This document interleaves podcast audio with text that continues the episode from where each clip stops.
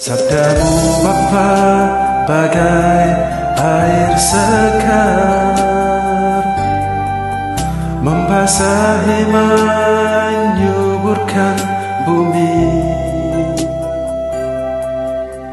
Menggugah jiwa Segarkan hati. Kobarkan nurani untuk bersaksi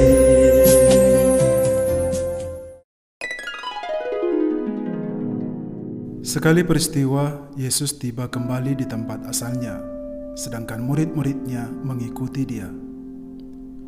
Pada hari Sabat, Yesus mengajar di rumah ibadat, dan jemaat yang besar takjub ketika mendengar dia. Mereka berkata, "Dari mana diperolehnya semuanya itu? Hikmat apa pulakah yang diberikan kepadanya?"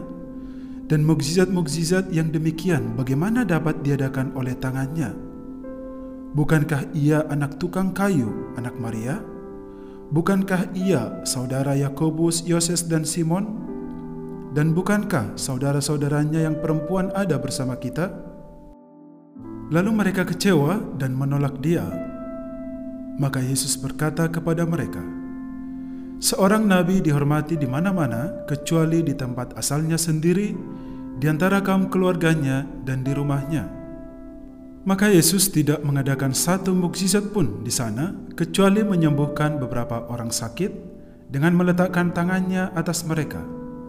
Yesus merasa heran atas ketidakpercayaan mereka. Lalu Yesus berjalan keliling dari desa ke desa sambil mengajar.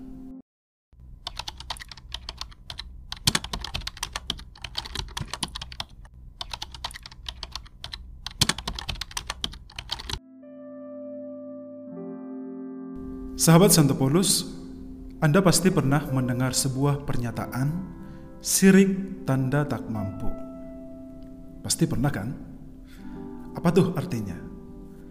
Artinya adalah seseorang merasa iri hati atau cemburu terhadap sesamanya karena sesamanya itu lebih dari dia, lebih hebat, lebih kaya, lebih pintar, lebih cakep, dan lain-lain.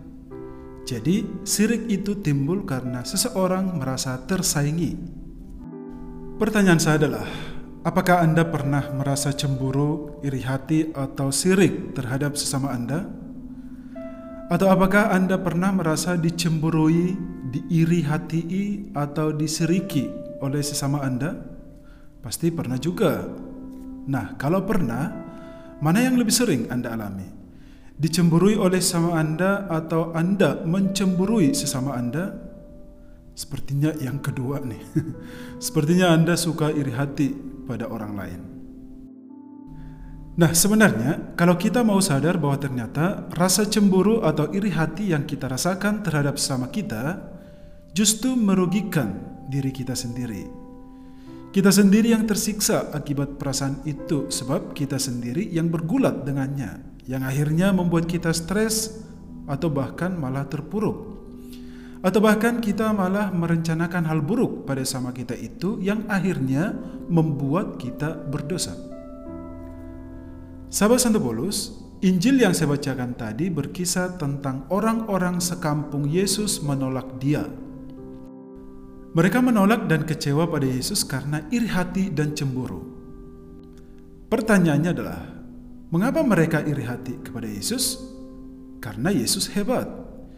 Yesus bisa melakukan banyak mukjizat, bisa menyembuhkan orang sakit, bisa mengajar dengan baik, dan bisa melakukan pekerjaan-pekerjaan ajaib lainnya. Dan apa yang melatar belakangi rasa iri hati mereka itu? Karena mereka mengenal dengan baik latar belakang keluarga Yesus yang adalah keluarga sederhana. Maria, seorang wanita biasa, dan juga Yusuf seorang tukang kayu. Sehingga mereka bertanya-tanya dengan nada sinis. Dari mana diperolehnya hikmat itu? Kok dia bisa melakukan mukjizat-mukjizat? Bukannya dia itu anak tukang kayu ya? Dia itu kan anak Maria. Hmm, sok banget. Itulah pertanyaan sinis yang mereka lontarkan kepada Yesus dan keluarganya. Kemampuan Yesus yang membuat mereka iri hati akhirnya menjalar juga kepada keluarga Yesus. Nah, Sebenarnya orang-orang yang cemburu dan iri hati kepada Yesus ini adalah kebanyakan dari golongan yang bisa dikatakan golongan kalangan atas atau berpendidikan. Mengapa saya katakan begitu? Mereka itu merasa derajatnya direndahkan karena seorang anak tukang kayu berhasil membuat mereka takjub. Mereka merasa dihina karena diajari oleh seorang yang berada di bawah kelas mereka. Intinya, mereka merasa dilecehkan karena mereka diajari oleh seorang anak tukang kayu. Mereka tidak menerima realitas itu sebab rasisme masih kuat di kalangan mereka.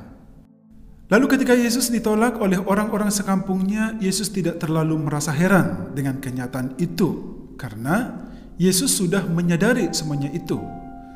Banyak nabi sebelum dia sudah mengalami hal yang sama, maka dengan nada kecewa Yesus berkata kepada mereka, Seorang nabi dihormati di mana-mana kecuali di tempat asalnya sendiri, di antara kaum keluarganya dan di rumahnya. Nah, karena Yesus ditolak oleh orang-orang sekampungnya, maka Yesus tidak melakukan mukjizat di kampungnya itu. Yang akibatnya adalah orang-orang sekampung Yesus itu menjadi jauh dari rahmat Allah, mereka tidak mendapat berkat dan mereka tidak diselamatkan oleh Yesus. Sahabat Santo Paulus, mungkin dalam kehidupan sehari-hari kita pernah menolak sesama kita karena mereka lebih dari kita. Kita iri hati terhadap sesama kita karena kelebihan mereka, sementara kita selalu merasa kekurangan. Mungkin juga kita sudah pernah berusaha menyingkirkan sama kita karena kita merasa tersaingi dengan berbagai cara kita menjatuhkan mereka dengan tuduhan-tuduhan palsu atau dengan kata-kata sinis. Maka berangkat dari pengalaman Yesus dalam Injil tadi, marilah kita bertobat dengan cara mengubah diri ke arah yang lebih baik. Jangan pernah menolak sama kita hanya karena iri hati, cemburu, atau sirik. Jangan habiskan waktu Anda terhadap perasaan-perasaan murahan itu. Supaya apa? supaya kita tenang dalam menjalani hidup ini, supaya kita tidak jauh dari rahmat Allah, dan yang lebih penting lagi adalah supaya kita kelak diselamatkan oleh Yesus. Karena ternyata, kalau kita suka menolak sesama kita, itu berarti sama dengan kita menolak Yesus. Karena Yesus pernah berkata dalam satu kesempatan, Sesungguhnya segala sesuatu yang kamu lakukan untuk salah seorang dari saudaraku yang paling hina ini, kamu telah melakukannya untuk aku. Amin.